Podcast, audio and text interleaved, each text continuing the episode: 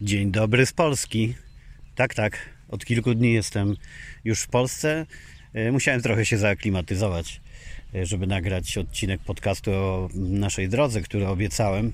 Ale i tak uważam, że bardzo szybko się zmobilizowałem, bo w zeszłym roku e, oderwanie mnie od brzegu morza i oceanu, szumu fal, który wy też tak kochacie i przerzucenie do miejskiego trybu spowodowało, że po jakichś dwóch miesiącach dopiero pozbierałem się, żeby zacząć nagrywać podcasty. Jednak coś w tej magii morza i oceanu jest, co powoduje, że chce mi się częściej i chce mi się więcej. No ale dobrze, trzeba było wrócić, nie będziemy się rozwodzić już nad tym dlaczego, bo gdzieś tam o tym w poprzednich podcastach wspominałem i obiecywałem też, że jeżeli przetrwamy tę drogę przez całą Europę, to opowiem, jak to było, bo to szczególna podróż, nie dość, że tak długa, 3,5 tysiąca kilometrów samochodem z dwójką bardzo rozrywkowych i aktywnych e, bliźniąt, no to w dodatku mm, w czasie pandemii, e, w czasie różnych obostrzeń, izolacji, utrudnień zapowiadanych na granicach, no i przede wszystkim w momencie, kiedy takie granice istnieją wewnątrz Unii, no to pierwszy raz od tylu lat mm, trzeba było e, odczuwać stres przed granicami, planować e, podróż, uwzględniając to, że można się na nich zatrzymywać, zastanawiać się, czy zostaniemy przepuszczeni przez nią. Zapowiadane były kontrole temperatury, e, różne sytuacje mające zagwarantować, że do danego kraju nie wjeżdża ktoś zarażony koronawirusem. Byliśmy na to wszystko e, przygotowani, leciutko zestresowani, ale chyba bardziej przejmowaliśmy się tym, jak my i dzieci zniesiemy podróż w, w takich ciężkich warunkach, niż tymi wszystkimi e, obostrzeniami po drodze. No ja byłem przyzwyczajony już do przemieszczania tej trasy, bo zrobiłem ją, nie chcę mi się teraz liczyć ile razy, ale kilka, sześć czy osiem. E, A Gosia z dziećmi lecieli zawsze w obie strony samolotem i dla nich to była nowość, no i dla nas na zasadzie takiej, jak to będzie z dziećmi. Pamiętam, że jak na dwa dni przed wyjazdem ze Stepony e, jechaliśmy do koleżanki Justyny podrzucić jej trochę kartonów z rzeczami, które e, tam zostawialiśmy. No i kiedy po pierwszym kilometrze Nadia z Maxem na zmianę zaczęli już pytać, kiedy dojedziemy, a trasa miała wynosić 5 km. Jak zaczęliśmy sobie to przemnażać na e, 3,5 tysiąca kilometrów, e, to stresik się e, włączył mocniejszy, no ale cóż, wyjścia nie było. Chociaż muszę przyznać, e, że w ostatniej chwili nawet e, właściciel mieszkania mm, próbował namówić nas na pozostanie, pozostawiając cenę taką za wynajem bardzo niską, dostosowaną do warunków i tego kryzysu. No mogę powiedzieć, że zdecydowanie niższą niż za e, zwykłe mieszkanie w zwykłym miejscu w Polsce bez jakichś tam e, specjalnych atrakcji e, i wygód. Ale wtedy już byliśmy spakowani, już zdecydowani na powrót. Wiele innych aspektów przemawiało za tym, że musimy wobec tego w drogę.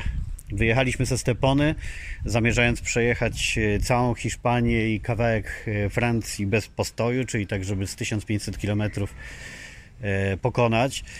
Problemem największym w tej podróży było to, że zarówno w Hiszpanii, jak i we Francji nie można było. O, tutaj pociąg przejeżdża, bo jestem na wyspie Wolko w Opolu nad Odrą, moim ulubionym miejscu spacerowym. Tak sobie rekompensuję brak morza i oceanu, że idę brzegiem Odry.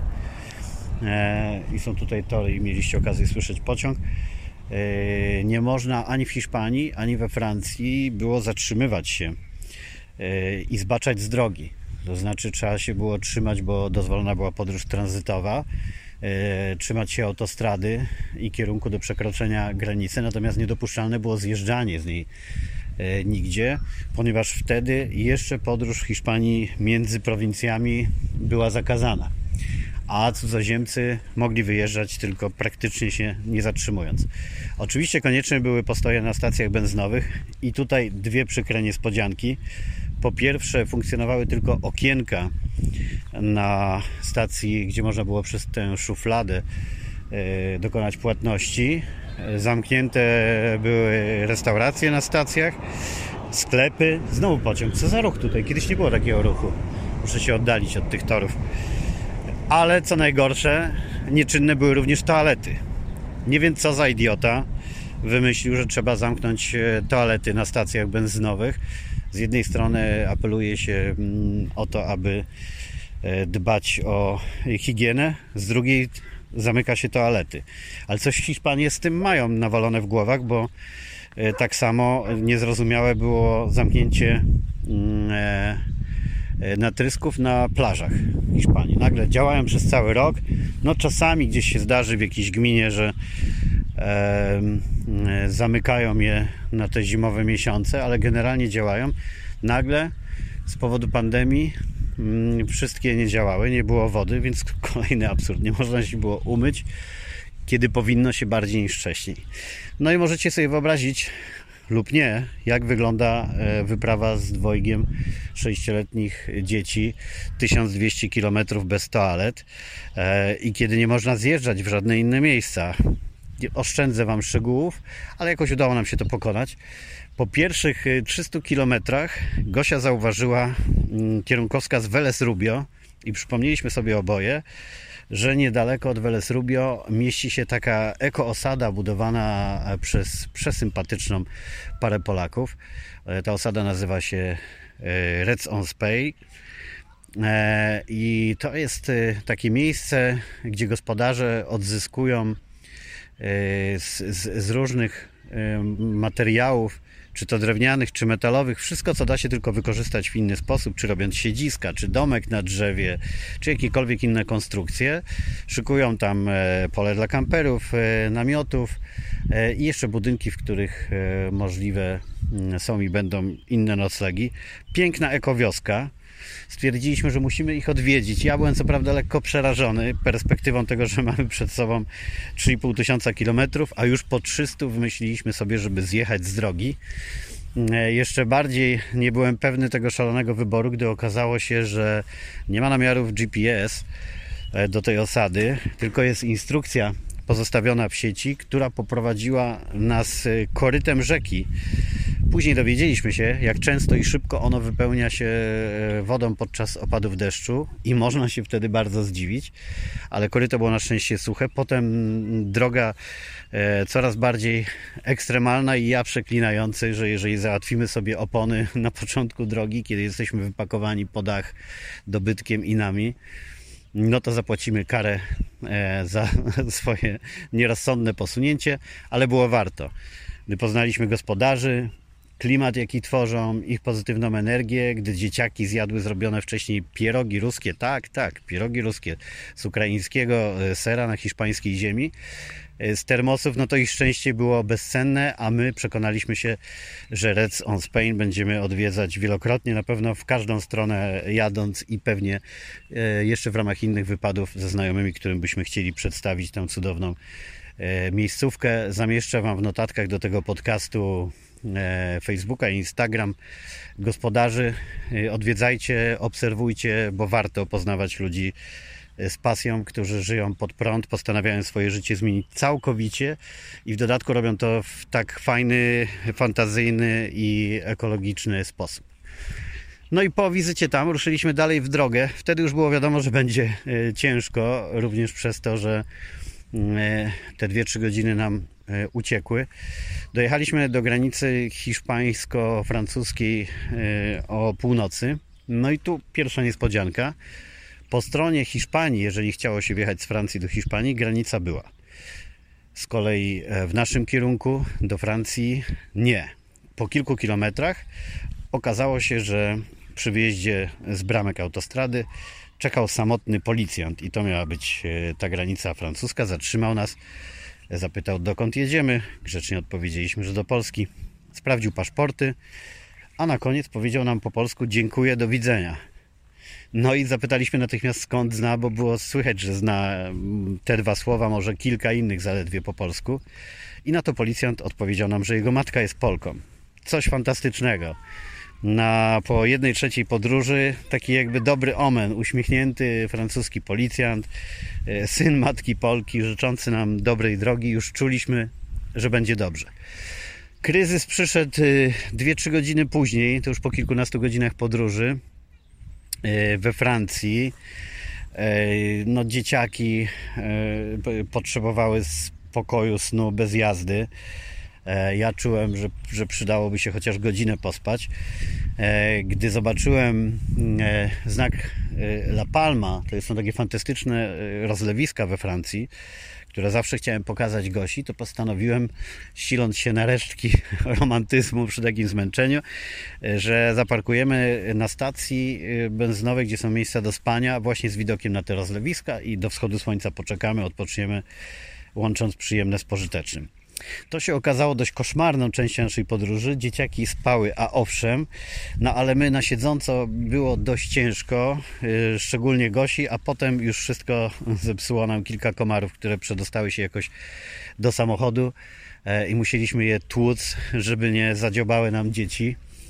E, odechciało nam się skutecznie spać i o wschodzie słońca mogłem oglądać e, rozlewiska La Palmy w dość takim ciekawym anturażu, bo obok nas e, była grupa muzułmanów, która zaczęła się modlić o wschodzie słońca. E, widok fajny. Ja zmęczony jeszcze bardziej niż przed tym postojem, ale stwierdziłem, że trzeba ruszać dalej w drogę, póki dzieci śpią i póki jest jeszcze ta taka energia od samego wschodu słońca. Udało się przejechać jeszcze 2-3 godziny i wtedy przyszedł potężny kryzys, bo to już prawie dobę byłem w drodze. Stwierdziliśmy, że staniemy na chwilę na stacji, która okazała się bardzo fajnym zakątkiem. Dodam w notatkach Wam namiar na tą stację, bo specjalnie zapamiętaliśmy ją w, w mapach e, Google. Tu już było lepiej w stosunku do Hiszpanii, bo były e, toalety, zresztą czyste, fajne. E, działał duży sklep. Nie działały restauracje, ale za to wszelkie automaty z kawą, herbatą i tak dalej. Ale co najważniejsze, była tam piękna część zielona, e, plac zabaw dla dzieci, miejsce dla psów, drzewa, stoliczki do jedzenia na zewnątrz. No coś pięknego, jak park, a nie stacja benzynowa. Takich miejsc właśnie e, we Francji, one się nazywają air, tak jak powietrze, air pisane, szukajcie takich przejeżdżając na autostradzie. Jest wiele, ale to naprawdę było perełką. E, Gosia słusznie zauważyła, że mogę się nie nadawać za bardzo do dalszej jazdy i zaproponowała, żebym się położył na trawie, na macie do jogi. Przykryłem się śpiworem, wyglądało to przezabawnie. Na zdjęciu potem wyglądałem jak, jak e, przykryty tym bodybag, czy tym, tym workiem na zwłoki, bo śpiwór szary, ja na trawie, ale to była godzina e, potrzebnej bardzo mi regeneracji, która zdecydowała o tym, że po wstaniu w to nawet ciężko powiedzieć, czy spałem, to była drzemka. Mm, e, poczułem przypływ sił i ruszyliśmy w dalszą drogę e, przez Francję, gdzie był troszkę większy ruch niż w Hiszpanii, bo w Hiszpanii praktycznie samochodów nie było. Bywały odcinki, że po kilkadziesiąt kilometrów jechaliśmy sami, ależ macie tych pociągów dzisiaj w tle. No to Wam zastąpiłem szum morza i oceanu pociągami. Nie przewidziałem tego ale niech będzie inaczej. Dobra, ucieknę już dalej od tych torów. E, I dojechaliśmy przez Francję e, do e, Düsseldorfu. We Francji już czuło się na stacjach jakby mniejszy stres, mniejszy strach, więcej było otwarte. Tak jakbyśmy stopniowo zaczęli wjeżdżać do miejsc, gdzie no, strach przed pandemią został opanowany, bo z nią samą to przecież nikt nie wie dokładnie o co tam chodzi. I dojechaliśmy do Düsseldorfu, do naszej przyjaciółki Dominiki, tam łącząc przyjemne z pożytecznym i w sprawach prywatnych i, e, i zawodowych. W Düsseldorfie postanowiliśmy spędzić kilka dni. To piękne miasto, polecam Wam. E, cudownie jest nad Renem, piękne stare miasto, dzielnice wokół niego. Naprawdę fajny klimat. No i tam byliśmy w szoku, bo mm, zobaczyliśmy normalne życie. Właściwie o koronawirusie można było sobie przypominać tylko wtedy, kiedy e, ktoś chciał wejść do jakiegoś pomieszczenia, sklepu, e, restauracji, to trzeba było na tę chwilę założyć maskę i ją można było zdjąć już po zajęciu miejsca. A tak, to nad Renem pełno ludzi w knajpkach, pełno ludzi spacerujących, uprawiających sport i tak dalej. I podobno w Düsseldorfie właściwie tak było przez cały czas. Oprócz jakichś tam kilku dni pierwszej napinki, to wszystko funkcjonowało normalnie. Jak dobrze funkcjonuje służba zdrowia, to mieliśmy się okazję przekonać, bo e, e, był z maluszkiem znajomych, przykry wypadek, rozbił sobie łuk brwiowy mm, i e, wizyta w szpitalu była e, odbyta bez żadnych stresów, bez kolejek, bez siedzenia na sorze, jak u nas. Dziecko na koniec dostało jeszcze dinozaura i, e, i samochodzik jako zabawkę, więc mieliśmy okazję sprawdzić, e, że służba zdrowia funkcjonowała normalnie, nie było tam żadnej paniki, żadnych zamknięć z powodu koronawirusa. No i z Düsseldorfu, to już tylko przy takim trybie długich tras, jak ja pokonuję, stałem się długodystansowcem. Mm, y, Pozostał nam y, 1000 km do Polski. E, Wyruszyliśmy sobie jakoś o 9 rano i tu trzeba się było przyzwyczaić nagle do wielkiego ruchu na drogach na niemieckich, na autostradach. No my od niego odzwyczajeni, bo po pierwsze w Hiszpanii w ogóle zwykle na autostradach jest pustawo, no a teraz to kompletnie pusto. We Francji ruch był ograniczony, bo jechaliśmy w niedzielę celowo. E, Tak to poukładaliśmy. No i też tam ruch ograniczony, bo tam można podróżować w promieniu 100 km od miejsca zamieszkania, ale wtedy, kiedy rzeczywiście ma się bezwzględną potrzebę, tak oni mm, apelowali. E, A w Niemczech e, mega ruch, strasznie dużo remontów i moje doświadczenia ze wszystkich tych podróży przez pół Europy są takie, że najgorsze autostrady są w Niemczech. Tak to się sytuacja zmieniła. Kiedyś e, tam jeździli wszyscy tak zwani Schnellefahrer, ci co lubią szybko jeździć samochodem, żeby się wyżyć na dobrych autostradach bez ograniczeń prędkości. A teraz ograniczeń tam jest najwięcej i to takich do 60 na godzinę ciągle te remontowane y, odcinki zwężenia, kiedy się trzeba bardzo pilnować. No i to na zmęczeniu nie jest fajna podróż, e, kiedy trzeba pilnować cały czas, żeby nie zrobić delikatnego ruchu kierownicą, nie uderzyć w barierki. Wobec tego średnia e, podróży e, jeżeli chodzi o pokonywanie kilometrów przez ilość godzin, to wyszła w Niemczech mm, najgorzej. No ale oczywiście poczucie, że z każdym kilometrem zbliżamy się do, do końca podróży, pomagało. No i byliśmy bardzo ciekawi, co spotka nas na granicy polskiej. E, No bo tutaj słyszeliśmy opowieści o tym, jaka jest kontrola sanitarna, e, te, te kontrole temperatury, e, potem udowadnianie, w jakim celu się wjeżdża, no, wpuszczanie tylko Polaków, e, odsyłanie na kwarantannę i tak dalej. My wracaliśmy e, po obowiązkach zawodowych, wyjechaliśmy e, spełniając jakieś zawodowe zadania, więc zgodnie e, z przepisem, który wszedł 22 maja, my na niego czekaliśmy, e, nie obowiązywała nas kwarantanna, przynajmniej nie powinna po wjeździe do Polski, ale wiadomo, że jak się jedzie na granicę, to ma się przekonanie, że dopiero na niej okaże się, jak naprawdę to wygląda, więc podjeżdżaliśmy czując ten dreszczyk, który ja czułem jeszcze kiedyś przekraczając granicę polsko-enerdowską, a później e, zachodnich Niemiec. No słabe wrażenie, jak się człowiek odzwyczai od granic. No i tu zaskoczenie. W Polsce granicy nie ma polsko-niemieckiej, przejeżdża się przez granicę i kilka kilometrów za niej jest zrobione takie zwężenie, tak jakby w czasie kontroli policyjnej drogowej. E, dzielą auta na te z niemieckimi rejestracjami polskimi na dwa pasy. Stoi mocno znudzony y, żołnierz y, z kałasznikowem, a potem mm, ludzie ze Straży Granicznej, którym współczuć należy, bo tam w mega złych warunkach stoją. Mają tylko taki malutki e, baraczek, a tak bez względu na pogodę po prostu stoją na zewnątrz. E, No i podjechaliśmy uzbrojeni w te wszystkie papiery, które były wymagane, żeby mm, okazać je, dlaczego nie powinno się podlegać e, kwarantannie, e, paszporty i- itp. Ale po otwarciu okna pan ze Straży Granicznej zapytał tylko: Państwo z pracy? Tak. Z Niemiec? Tak. Proszę jechać szerokiej drogi. I to był koniec e, naszego spotkania na tej dziwnej granicy. Nawet nie musieliśmy wyciągać e, paszportów. Inna sprawa, że mm, co do sensu tej kwarantanny, to ona powinna działać raczej w drugą stronę, bo my jechaliśmy z miejscowości, e, gdzie nie było zachorowań, przez miejscowość z kolei jak Düsseldorf, gdzie sytuacja też była bardzo dobrze opanowana, e, no do, mm, na Opolszczyznę i do Opola, e, gdzie dość słabo tutaj jest z poziomem tych zachorowań. Jest, jest ich sporo i robi się bardzo mało testów, więc jeżeli ktoś powinien się obawiać kontaktów z kimś, to raczej my, przyjeżdżając tutaj ze wszystkimi, których tu spotkamy, niż odwrotnie. No ale paradoks polega na tym, że oczywiście ustalone to było mm, tak, że, że to Polska ma się bać każdego wjeżdżającego do Polski mm, e, e, i blokując się przed obcokrajowcami i nakazując Polakom iść na kwarantannę. No i trudno. Jest to bezsensowny model kompletnie, tak jak robienie jakichś zasad dla całego państwa, no bo my byliśmy tego świetnym przykładem, będąc w regionie, gdzie zagrożenie było śladowe, a przykładano do nas taką samą miarę co do Madrytu.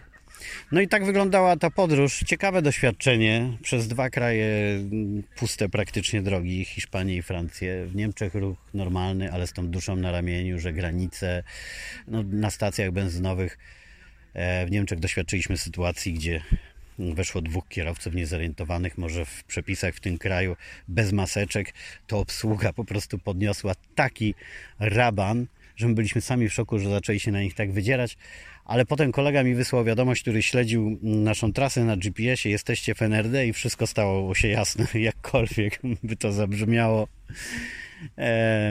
To każdy, kto pamięta z dawnych czasów NRD, zrozumie to poczucie humoru i podejście e, do nerdowców. No i tyle. Dojechaliśmy do Polski i tu e, wielkie zaskoczenie. Ja myślałem, że już najbardziej wyluzowanym miastem, jakie zobaczyliśmy w tym czasie, był Düsseldorf. Tymczasem przyjechaliśmy w sobotę wieczorem do Opola, do miasta, w którym była jedna wielka impreza. E, knajpy pękały w szwach, na zewnątrz ogródki piwne i na rynku i na małym rynku zabawa, tak jakby zatrzymał się czas. Ja się wybrałem z kolegą Piotrem, z którym mamy tutaj obywatelskie patrole nocą po lokalach, e, tradycyjne, zwłaszcza latem. E, I miałem wrażenie, że czas się zatrzymał. Spotykałem tych samych ludzi, knajpy funkcjonowały tak samo. Nie było widać absolutnie nic, co podpowiadałoby, że jest jakaś nadzwyczajna sytuacja, że jest koronawirus, e, nie ma maseczek. No tylko to, że w lokalach są E, płyny antybakteryjne i tam napisane jest, żeby czyścić ręce i teoretycznie są kartki na stolikach, że jakiś stolik jest wyłączony z obsługi, ale nikt na to absolutnie nie zwraca uwagi. Stoi człowiek na człowieku i, i wszyscy się doskonale bawią, więc w Opolu wyraźnie odpuszczono już. No, przeważa ten trend, że mm, koronawirus dotyczy wąskiej grupy ludzi i e, rozwija się jakoś ogniskowo i nie należy popadać w przesadną panikę, choć pozostała spora grupa ludzi, moi koledzy szacują, że powiedzmy, że 30% mieszkańców Opola, ale to takie wiadomo, statystyki wzięte trochę z chmurki, mm, tak wokół siebie liczone bardziej, e, obawia się dość mocno dalej i próbuje się izolować. No my tego też doświadczyliśmy ze znajomymi, którzy boją się na razie e, spotykać. Sami tak dla zasady trochę staramy się do osób starszych z naszej rodziny jeszcze się nie wybierać przez jakiś czas, choć jednocześnie zastanawiamy się nad sensem tego, bo przecież no tak naprawdę to mm, jeżeli mielibyśmy się zarazić, to największe ryzyko jest, że zarazimy się w Opolu. Wobec tego żadne odczekiwanie dwóch tygodni e, nie ma sensu, no ale tak chcemy to zrobić dla takiego dziwnego poczucia spokoju, żebyśmy nie czuli się winni, gdyby co, gdyby ktoś, gdyby ktoś e, zachorował. Tutaj więc y, normalne życie, czy to dobrze, czy to źle, to się okaże mm, z czasem. Mm, ja skłaniam się do tego, że rzeczywiście e, trzeba chuchać i dmuchać na starszych i jak tylko się pojawiają jakieś ogniska choroby, to tam robić jakieś izolacje, natomiast pozostałym ludziom dać żyć spokojnie mm, i zdrowo, zwłaszcza e, latem, kiedy tu jest najfajniejsza pogoda w Polsce i najwięcej też okazji wszyscy mają, żeby oddychać pełną piersią, dbać o zdrowie i wzmacniać odporność i tego się tego się trzymajmy. No to tyle. Witam Was wszystkich z Polski. Obiecuję nagrywać tutaj e, tak często, e, jak to się udawało w Esteponie i to, że następnym razem e, wymyślę jakieś lepsze tło zamiast e, ciągle jeżdżących pociągów, ale dzisiaj to było jak zwykle na spontanie. Moje maluchy tutaj nad Odrą na siłowni sobie e, outdoorowej ćwiczą e, trochę, a ja wykorzystałem okazję, żeby odejść kawałeczek mając je na oku nagrać Wam ten podcast. Podsumowanie jest takie, że będziemy już zawsze jeździć samochodem do Hiszpanii. Ja się z tego cieszę. Skończyły się moje samotne podróże i Gosia i dzieci przekonali się, że jest to wykonalne. Eee, zwłaszcza jeżeli nam się udało tak w ekstremalnych warunkach, to w czasie, kiedy będzie można normalnie e, stawać, zaplanować nocleg, e, korzystać z toalet, restauracji, to już w ogóle będzie bajka, więc może nawet fajnie, e, że zaliczyliśmy tę pierwszą podróż w takich warunkach, że każda kolejna e, powinna być e, w lepszych. Wobec tego to jest dobra prognoza na, na wszelkie kolejne podróże. Do usłyszenia, życzę Wam wszystkiego dobrego, dbajcie o siebie, cieszcie się latem. Przywiozłem pogodę do Polski, więc lada dzień obiecuję upały i fajny klimat.